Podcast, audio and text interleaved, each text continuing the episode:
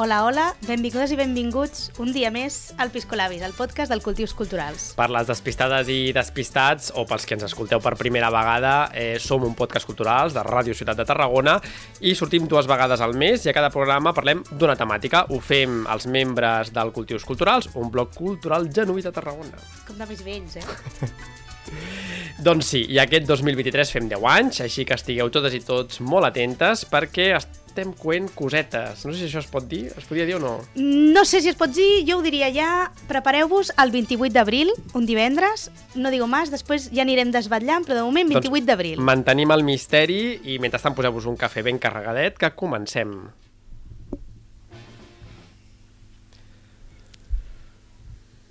Molt Bé, bé. Maria ens està per l'streaming, la Rosa Ah, també. Bones, Maria. Un segon que no la sentim. Hola? Ara, ara, ara et sentim, ara et sentim. Perdoneu, eh? És que és la primera vegada que entro per, per streaming i jo ja sabeu que sóc més del directe i dels papers portats en directe. Bueno, sóc la Maria Pérez, com ja us han comentat, i avui tant la Rosa eh, com jo entrem per streaming i eh, esperem que vagi bé, creuem els dits. Sí, i falta que us parleu una mica de la temàtica d'aquest capítol. Llegeixo. La guerra és la salida cobarde a los problemes de la paz. Thomas Mann, escriptor alemany. Oh. I jo n'aporto una altra que diu Mientras la guerra sea considerada como mala, conservará su fascinación. Cuando sea tenida por vulgar, cesará su popularidad. Oscar Wilde. Ja us imagineu una miqueta de què parlem en aquest capítol, no? Doncs el capítol d'avui es titula Guerra i l'enfocarem no només, però principalment des de la vessant més artística, però no ens malinterpreteu, no la defensarem ni res per l'estil, eh? ja, ja veureu. Però abans de la part art- artística... Sí, avui eh, ens acompanya el Jaume Camps, doctor en Història, professor de la URB i de la UOC, membre del CECOS, Cercle d'Estudis sobre Conflictes Socials, eh, que són els que coordinen el projecte Rod Spanier. I avui ens vindrà a parlar una miqueta d'això. Bon dia, Jaume. Bon dia, encantat d'estar aquí. Primer de tot, què, què és això del Rod Spanier? Doncs el Rot Spanier és un projecte europeu que coordinem des de l'URB amb diferents associacions i organitzacions de la societat civil, en el qual ens dediquem a investigar sobre els 30.000 espanyols que van ser treballadors forçats a l'Alemanya nazi durant la Segona Guerra Mundial i que van treballar al mur atlàntic. El projecte europeu té una vessant que és la investigadora perquè el que vols és donar a conèixer la vida d'aquestes persones i el que van sofrir, però alhora també el que volem és que la gent ho conegui, és a dir, mm. Perquè quan parlem de, dels horrors de la Segona Guerra Mundial o de l'Alemanya nazi, sempre tenim la mirada pensant en els camps de concentració i sobretot Mauthausen com a camp de, que ens ve sempre a la ment. Però hi ha 30.000 es creu ara actualment persones que van estar treballant al mur atlàntic, és a dir, a les defenses que anaven des de la costa francesa fins a Noruega, eh, 30.000 espanyols allí en condicions, alguns millors, els altres molt pitjors, com podia ser un camp de concentració com, com Mauthausen mateix. Mm. Per tant, el que volem és això, explicar la gent a partir d'exposicions, eh, unitats didàctiques a instituts, xerrades, el que va passar amb aquestes mm. persones i per què és necessari actualment recordar-les. Exacte. Eh, clar, com neix aquest projecte? D'on sorgeix no, la necessitat de, de voler explicar això? O, no? Quina va ser la idea, aquesta idea inicial? Doncs l'idea neix a partir de, dels investigadors que, de l'URB, és a dir, l'Antonio Muñoz Sánchez, que estava a l'URB, hasta Lisboa, va ser com una mica el que va començar tot, i després amb l'altre codirector del projecte, l'Ignacio Fiz, professor també de l'URB, doncs es va crear com un equip d'investigació, eh, amb el qual se començaria a fer accions. Evidentment va haver una pandèmia, que el qual es va aturar tot perquè no es podia fer res, i aquest any 2021, l'any eh, el 2021, perdoneu, va, vam tornar a arrencar una miqueta el, tot el que era el projecte de difusió i l'any passat, el 22, vam eh, inaugurar l'exposició que és- itinerant, que està el divendres aquest, el divendres dia... divendres vinent serà al Museu del Cuber. Molt bé. I que lligat amb el Cuber també, així tam, com a cosa interessant, és que els alumnes de l'Institut Fons de Glori- Glorieta eh, van fer un projecte de recerca amb, aquest, amb un dels deportats que va ser del primer tren d'espanyols a Mauthausen, Angulema, i que va morir, per desgràcia, a Gusen, i el seu fill, que també estava al mateix tren, doncs reconstruïm la seva història i per què també és important recordar-la, perquè mm. això va acabar l'any 45, és a dir, no fa tant. Estem parlant de que els avis estaven vius en aquell moment, per tant els joves han de recordar i ser conscients de, del que va passar perquè no torni a passar. I per sort, eh, als principis de febrer s'anem al Parlament Europeu a explicar-ho també. Ah, molt bé, molt bé. I bé, clar, parlaves al principi no, d'això de la defensa atlàntica, però què era això de la defensa atlàntica? Per què? En quin context apareix? Doncs en el context que Hitler envaeix a l'Unió Soviètica, clar, queda el front, el front occidental descobert. I clar, sempre hi podia haver un perill d'una- d'una- d'un desembarcament aliat. I es decideix fer un conjunt d'estructures defensives que fins i tot els mateixos serveis secrets anglesos diuen que és les estructures defensives més grans construïdes mai i que està format per doncs, bases, eh, defenses antiaèries i bases submarines en el qual havien de ser un, una fortalesa infranquejable. Evidentment, va haver Normandia per sort i, i els aliats van desembarcar. Però el que van arribar a construir, construir allí és, coses inimaginables. És a dir, veus el que va significar per aquelles persones treballar quan hi vas. La base submarina de Bordeus, que està construïda des del no-res, i van morir desenes i desenes de persones construint-la. I, I en les altres llocs igual. O, per exemple, les illes del canal, en el qual els testimonis diuen que la gent que moria el tiraven al mar i, i allí desapareixia. És a dir, és, la barbària, la part més desconeguda del, de l'horror nazi, diguem-ho així. Clar, i més és que 30.000 espanyols van treballar amb això. Amb quines condicions, també? Clar, eh, se considera actualment uns 30.000. Segurament la xifra pot variar i pot pujar, perquè clar, se van anar obrint, se van anar descobrint nova documentació i aquestes condicions, clar, eren molt variaven. Per exemple, a Bordeus hi havia un home que li deien Papa Otto, Otto Bernacke, un alemany que havia estat lluitat al Civil amb els anarquistes, és a dir, en el bàndol republicà, però que passa a ser col·laborador dels nazis a Bordeus. I les condicions que estaven els espanyols allà, doncs, hi havia que bones. Ara bé, Papoto ha de marxar al 45, perquè és el Consell col·laboracionista. En canvi, les Illes del Canal, els mateixos camps de presoners pertanyien a, a Neuengamme, un altre camp de concentració alemany. Per tant, eren, variaven molt. Ara bé, cap, la majoria dels que estaven allí no era per voluntat pròpia, per tant, eren, són víctimes de l'horror nazi, encara que les condicions varien segons el lloc. Clar, és a dir, eren, perquè ens entenguem, no? perquè ens situem una mica, eren exiliats, és a dir, eh, exiliats de la Guerra Civil, com si diguéssim, que no anaven a un, a un camp de concentració, però eh, feien feines com de camps de concentració o que al final la seva vida no era tan diferent d'un camp de concentració no? que és com una part molt desconeguda, perquè jo fins, Totalment, sí, fins, sí. fins, que ens vas, fins que vam començar a descobrir tot això del Rod Spanier i tal, jo no tenia ni idea d'això. Correcte, és aquest agent que el 39 creu la frontera mm. i que després passa a ser companyies de treballadors durant la Segona Guerra Mundial pel govern francès, cau França, passen els grups de treballadors estrangers pel govern de Vichy i que quan el govern de Vichy els demana gent per construir les bases submarines, el primer que envien són espanyols. És a dir, perquè com que ells eren rojos mm. i el govern de Vichy era declarat anticomunista, antisemita, ultraconservador, doncs envia aquest agent cap a, a treballar. I, eh, I aquest agent és a dir, evidentment que estaven treballant i eren vigilats. I, per exemple, estaven en camps de presoners, un camp es deia Campo Franco, en honor del dictador, per exemple. Vale. Doncs les condicions dels camps eren com doncs, estar tancats amb, bueno, convivint entre els, amb els altres i després els portaven a treballar a les bases, al lloc on havien d'estar. El... Les condicions laborals eren duríssimes. Tenies els alemanys allí i, evidentment, el que volien els alemanys era construir allò ràpidament perquè estaven en guerra. I, doncs, què feien els espanyols? Intentar sabotejar el màxim possible, és a dir, canviar materials perquè no pogués avançar l'obra, a les bases submarins, doncs els submarins ficar-hi materials més volubles perquè no, no poguessin aguantar tantes hores al mar, tot el que puguin ho feien. Per què? Perquè doncs, clar, eren conscients de que no volien treballar pels, pels Clar. nazis. Doncs a dintre doncs, boicotejar. Clar, qui l'agafaven podia patir doncs, les conseqüències. Molts eren enviats després als camps de concentració o alguns assassinats, vull dir, afusellats o que siguin justiciats. Clar.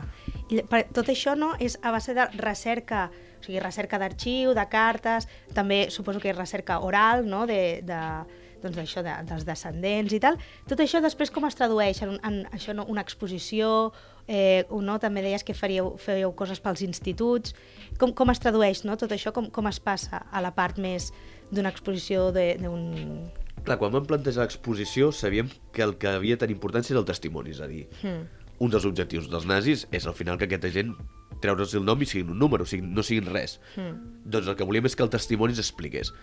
Com que per sort alguns van escriure les seves memòries i van ser publicades, o d'altres els van entrevistar els seus descendents, doncs en cada part en el qual expliquem doncs, un tros d'aquella història, traiem un diàleg d'aquesta persona en qual ens explica doncs, a les illes del canal, doncs allí en el moment del desembarcament de Normandia algun raro ja notàvem. O, per exemple, en el moment de d'acabar i ser agafat, la consigna era no col·laborar amb els, els nazis. És a dir, que ells ens expliquin Mm. el que va passar. És a dir, el valor del testimoni per això també que la gent, diguem-ne, sigui conscient de que no estem parlant de xifres, que no estem parlant de, de, de, de coses inventades, sinó que és d'aquella gent el que va patir. I al final, en definitiva, t'apropa més, empatitzes més amb aquesta persona i, i ser Humanitzar, conscient. no? Humanitzem Humanitzar el dolor. És a dir, dolor, sí. no estem parlant de una xifra, estem parlant d'aquest senyor, l'Agustí Magí, una, una emposta. Estem parlant del Ventura Ferrer, el que deies dels testimonis, el Cuber. Jo soc del Cuber, va venir una dona gran a casa dels meus pares i li va dir, ostres, el meu pare va estar a Brest. I vaig arribar de Brest el diumenge, el dilluns vaig anar a casa seva, dic, digui'm, sí, mira, el meu pare va estar a Brest i em va dir amb els alemanys, però jo no pensava que era treballant pels alemanys, sinó que, bé, va coincidir. Mm. I clar, després vam estar parlant i li vaig explicar que la base submarins era alemanya i els alemanys es portaven a treballar, és a dir, i segurament el seu pare devia també estar en condicions, diguem-ne, dures. Una altra cosa és que pogués estar millor o pitjor i la relació que podia tindre amb els, amb els nazis. Però les condicions eren dures i el seu pare hi va allí perquè l'obliguen, no perquè n'hi va voler. I, I clar, comences a descobrir això, històries de que estaven amagades i que tampoc doncs, ho des, es desconeixia. Mm. I, I per això també és una mica el voler reivindicar-les, es recuperar-les, i segurament si el qui ens escolti si té més té informació doncs que ens enviï un correu a rotespanier.cat perquè estarem encantats de poder d'explicar la seva història perquè van començar per exemple en nou de la Clar. província i ara ja en tenim bastants més de gent que ostres, sí, aquest també m'han dit qui va ser doncs clar, comences a buscar noms, comences a buscar els arxius i, i, i te n'adones que, que n'hi ha molta gent i segurament cada cop ne sortirà més Clar, i cada cop més feina. I ara, per exemple, els nostres seguidors, si volguessin anar a veure no, Rod Spanier, l'exposició, ara deies que estaria al Cuber, correcte no? però sempre hi ha la possibilitat virtual Ah, mira, molt bé, Sí. molt bé, Sí, sí, moderno, sí. molt bé, molt Sí, bé, sí, sí, molt sí. bé. És a dir, el dels claus del projecte és també que tot es- sigui accessible des de tot arreu Mm. i la pàgina web rotespanier.net Molt bé. eh, s'hi pot accedir, es pot veure l'exposició virtual i alhora també es pot descarregar les unitats didàctiques del grup Eleuterio Quintanilla que Ah, han fet de molt Gijón és a dir, que tothom ho pugui fer Això és molt bé, interessant això està també molt per a les famílies, Sí. els profes, no? Molt bé per treballar. I si algun dia un institut doncs, vol fer alguna cosa, estem disposats a col·laborar amb Molt ells bé, i, i podem anar in situ, és a dir, no, no és problema. I si algun poble, ciutat, institució vol tenir l'exposició, doncs l'enviem amablement sense cap mena de cost i la muntem i la, la presentem i fem el que es faci falta. Molt bé, molt L'important és que la gent conegui això Mm. i, i evidentment el projecte s'acaba, si tot va bé, s'acabarà aquest any, però l'objectiu és continuar en la recerca, és a dir, dir que el projecte s'hagi de tancar un dia Mm. això no pararà. L'objectiu és anar donant a conèixer aquestes persones que han, passat doncs, 70 o 80 anys a l'oblit. Molt bé. Molt interessant. Sí, molt interessant i tinc preguntes, però crec que haurem d'anar, no? Eh, Hem d'anar hem tallant ja. tallant, no sé si tens l'última, potser... no, no, no, no, si vols pues- fer-la tu, si no, vols no, fer no. una última pregunta, no? No, simplement una reflexió, perquè, clar, has obert molts melons, no? Però era aquesta cosa de que m'ha semblat sentir, no?, que no són considerats víctimes, no?, dels nazis, però al mateix temps és curiós perquè ells sí que eren conscients, no?, perquè si estaven organitzats per sabotejar, ells eren molt conscients per qui treballaven, no? I per tant aquesta dualitat, no?, del que ells van viure i com, no?, la història els ha considerat, Sí. no? I la curiositat és que Alemanya els considera víctimes del nazisme des dels anys 70 i l'estat espanyol, l'última llei de memòria democràtica, la del 2022, encara no els considera. Mm. És un dels dèficits eh, que per això també fem aquests actes, és a dir, perquè siguin conscients i el dia de demà hi hagi la reparació simbòlica i que tothom doncs, a dir, ostres, no només parlem de camps de concentració, sinó que parlem d'altres espais en el qual van patir mm. aquesta gent que va comprometre's els ideals al 36, va comprometre els ideals al 39, tot i estar eh, en camps de vergonya a França, no van dubtar a agafar les armes i lluitar al costat dels francesos contra els alemanys. I que després del 40, és a dir, dels anys 41 fins al 44 que estan allí, es juguen la vida sabotejant la majoria. I l'any 44, quan poden sortir, participen en l'alliberament.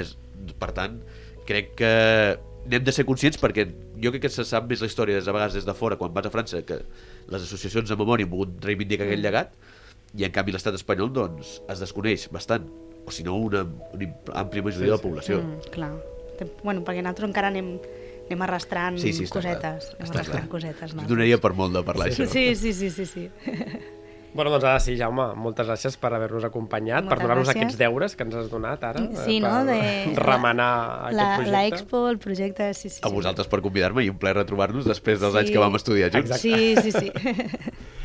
pues apa, moltes gràcies i ara crec que Guiomar, eh, a veure què ens portes. Molt bé. A veure, la meva musiqueta...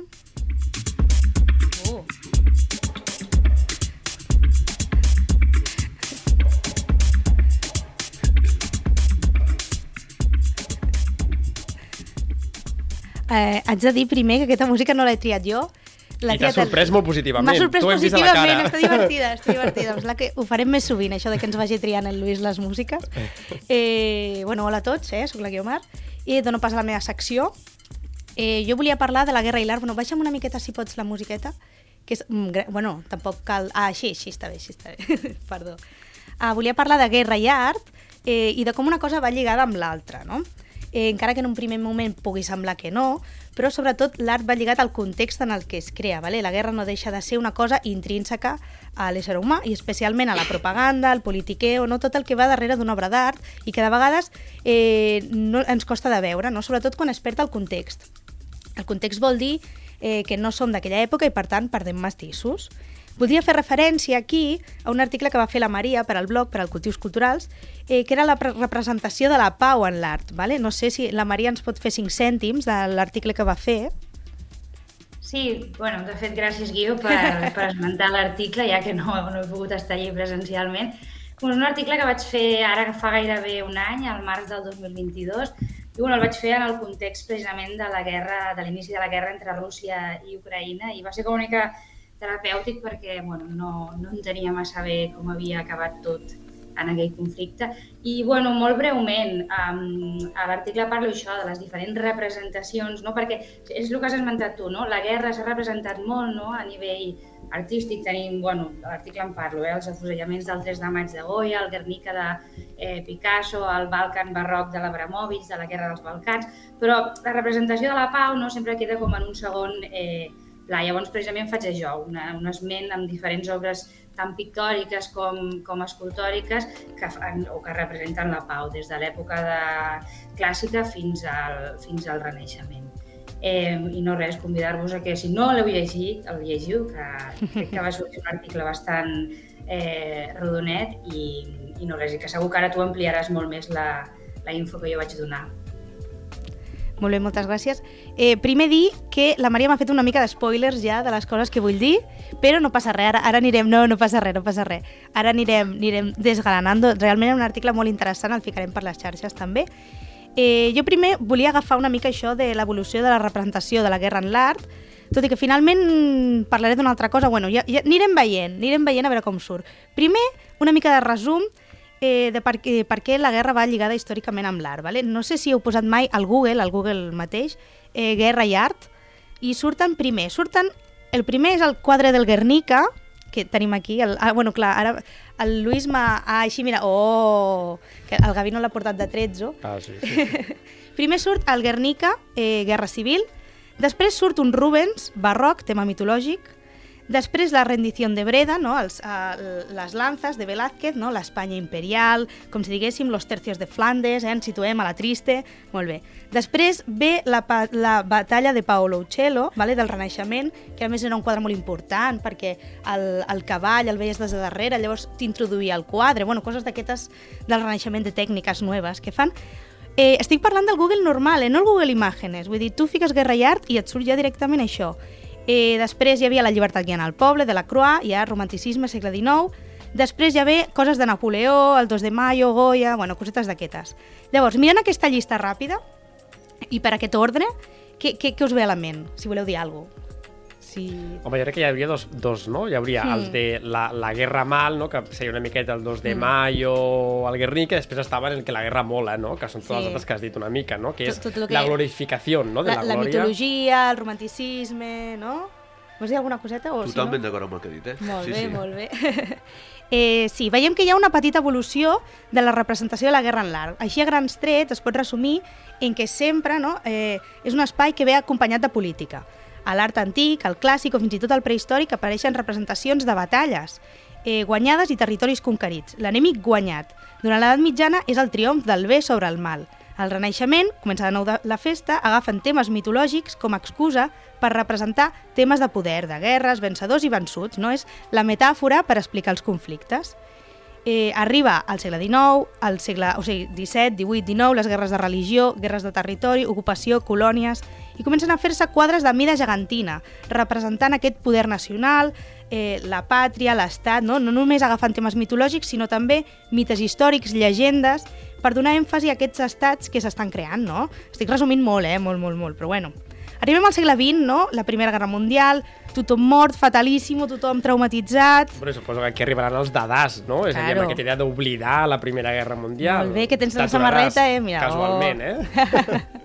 Clar, clar, però anem més endavant, jo vull tirar més endavant, no? Primera Guerra Mundial, Segona Guerra Mundial, Guerra Freda, Vietnam, Guerra dels Balcans, acabem al segle XX, més guerres encara, una mica, una mica de música aquí.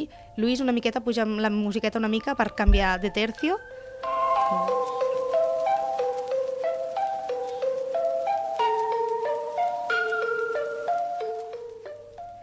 Molt xula, eh? M'està agradant molt la música, Lluís. Eh, bueno, els artistes eh, han plasmat la guerra des de sempre, com hem vist, i aquesta sempre va de la mà de la propaganda o d'una idea, no? Que normalment va lligada al poder establert, com dèiem. Però, ah, què comença a passar? Què passa quan els artistes comencen a tenir independència o més independència, és a dir, a partir del Renaixement? Me vull explicar, m'explico. Abans eren únicament artesans que tenien la tasca de fer un quadre, igual que un ebanista et fa una taula, sense més. Eh, però amb el Renaixement es crea el concepte de geni, no? de tocats per la divinitat, i pugen els estatus socials. Segueixen fent encàrrecs pel poder, però mm, ja tenen una mica de llibertat i fan allò dels codis secrets, no? en plan Código da Vinci, però no tan exagerat, sinó més aviat, ui, sí, porta un mantó vermell perquè simbolitza una facció antipapa, no sé què... i són Quanta vídeos coses- ha donat això als historiadors de l'art? Clar, eh? clar, clar, clar, clar, clar. Eh, però a partir d'aquí fem un salt, faig un salt eh, al segle XX. Els museus també s'han planat eh, de guerres les seves sales, no? el Reina Sofia, el MACBA... Només parlant de museus d'aquí, perquè si ens anem a l'estranger ja eh, fliparíem. Per exemple, el CCCB, el Centre de Cultura Contemporània de Barcelona, el 2004, va fer En Guerra. Eh, bueno, mm, primer us dic que hauríeu d'anar a veure qualsevol exposició del CCCB perquè estan molt bé, són molt grans, són molt extenses, plenes de sales d'informació, llegint, que has de tornar i tornar perquè hi ha com molta informació sempre. Eh, a més, podeu també anar a la web i mirar-ho. I bueno, en aquell cas, en el, en el cas d'en Guerra, era interessant veure eh, diferents diferents punts de l'exposició i un dels punts aquests que a mi m'interessa parar-nos-hi era en la formació de l'enemic és una cosa que és important perquè també ve des de sempre, eh, que això és una cosa, per exemple, que es diu molt, és que en, en l'antiga Grècia els grecs li deien bàrbar a la persona, eh, als estrangers, no? li deien bàrbar, per, no sé, per la manera de parlar o alguna així, però que també volia dir no, que és aquest concepte de l'estranger com a persona dolenta, com a, que fa por, que ens vol atacar, no? la construcció d'algú dolent enfront nosaltres, que som bons, quan en realitat és senzillament que tenim dues cultures diferents i ja està. Eh, bueno, aquí parlaria jo de Hannah Arendt, que sempre estic parlant de lo mateix, no? del concepte dels marges, dels subalterns, eh, de la, la història que sempre ha estat explicada pels vencedors, els altres, l'alteritat, l'alteritat que deia Susan Sontag, eh, que l'alteritat són els altres, eh, els pobres, els migrants, les dones... Bueno, jo estaria una mica tot el rato parlant d'això, de la construcció de l'enemic, eh, de la construcció de l'altre. I això què té a veure, no? una mica amb els artistes, què té una mica amb l'evolució de l'art, perquè... Llavors, eh, voldria ficar per explicar això un altre exemple, que són les noves sales del, del Museu Nacional d'Art de Catalunya, el MENAC. Fa un parell d'anys o així van crear unes sales noves amb la Guerra Civil. Eh, segons la seva web, són més de 180 peces, pintura, gravat, eh, cartellisme, fotomuntatge, cine, hi ha de tot, no? I eh, parlar una mica doncs, de, de la visió de la Guerra Civil, no? el pavelló de la República, totes aquestes coses per eh, veure com els artistes també ficaven cullerada. Perquè a partir del segle XX els artistes ja no només amaguen codis secrets a les obres, sinó que les seves obres són directament per remoure consciències, per salvaguardar una idea, un ideal, són una arma política. Eh, fins i tot cap a finals del segle XX, ja amb les noves vanguardes, amb, amb, amb, els, amb els ismes, no? que es diuen el, el surrealisme, el... Bueno, surrealisme no, però, bueno, sí, també.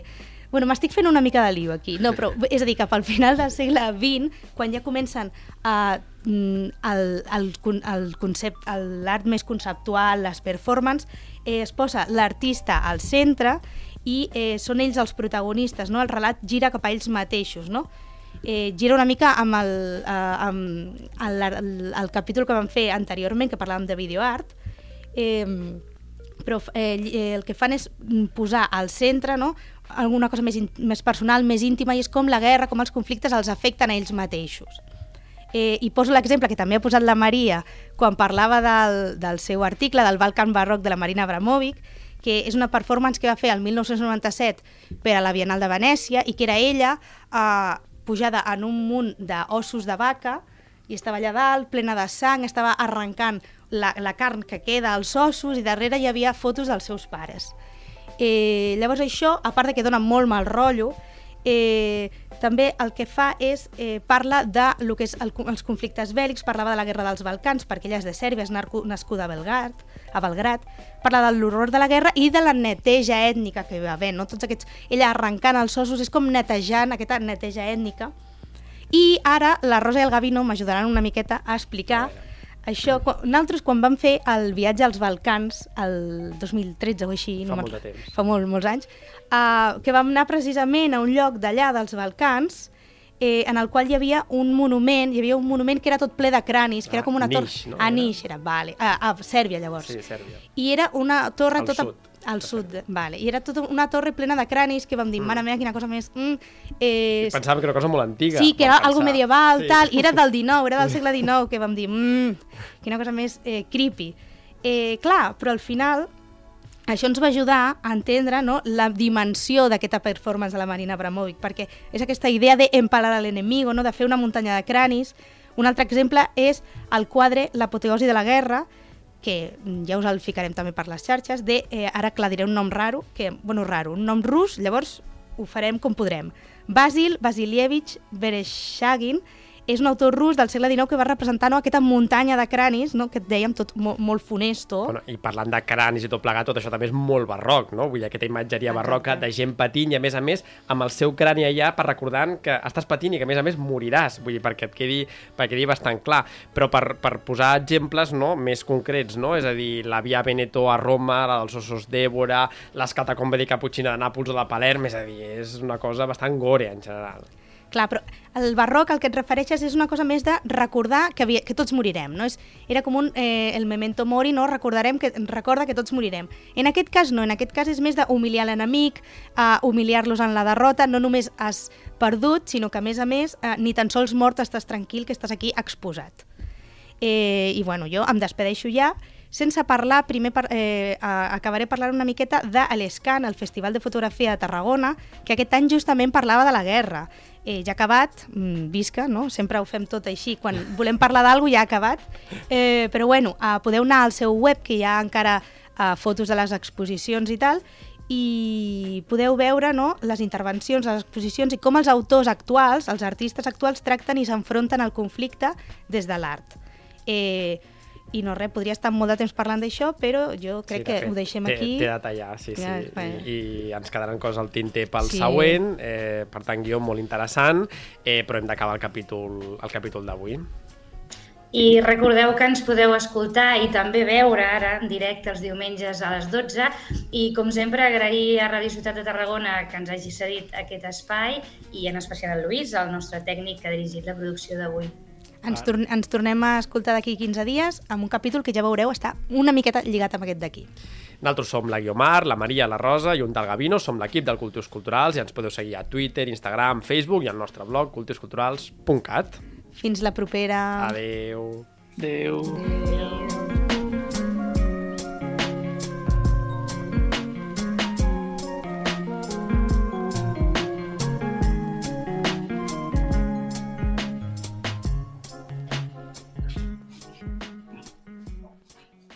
Has escoltat un capítol de Podcast City, la plataforma de podcast de Ràdio Ciutat disponible al web rctgn.cat, a l'APP de Ràdio Ciutat de Tarragona i els principals distribuïdors de podcast.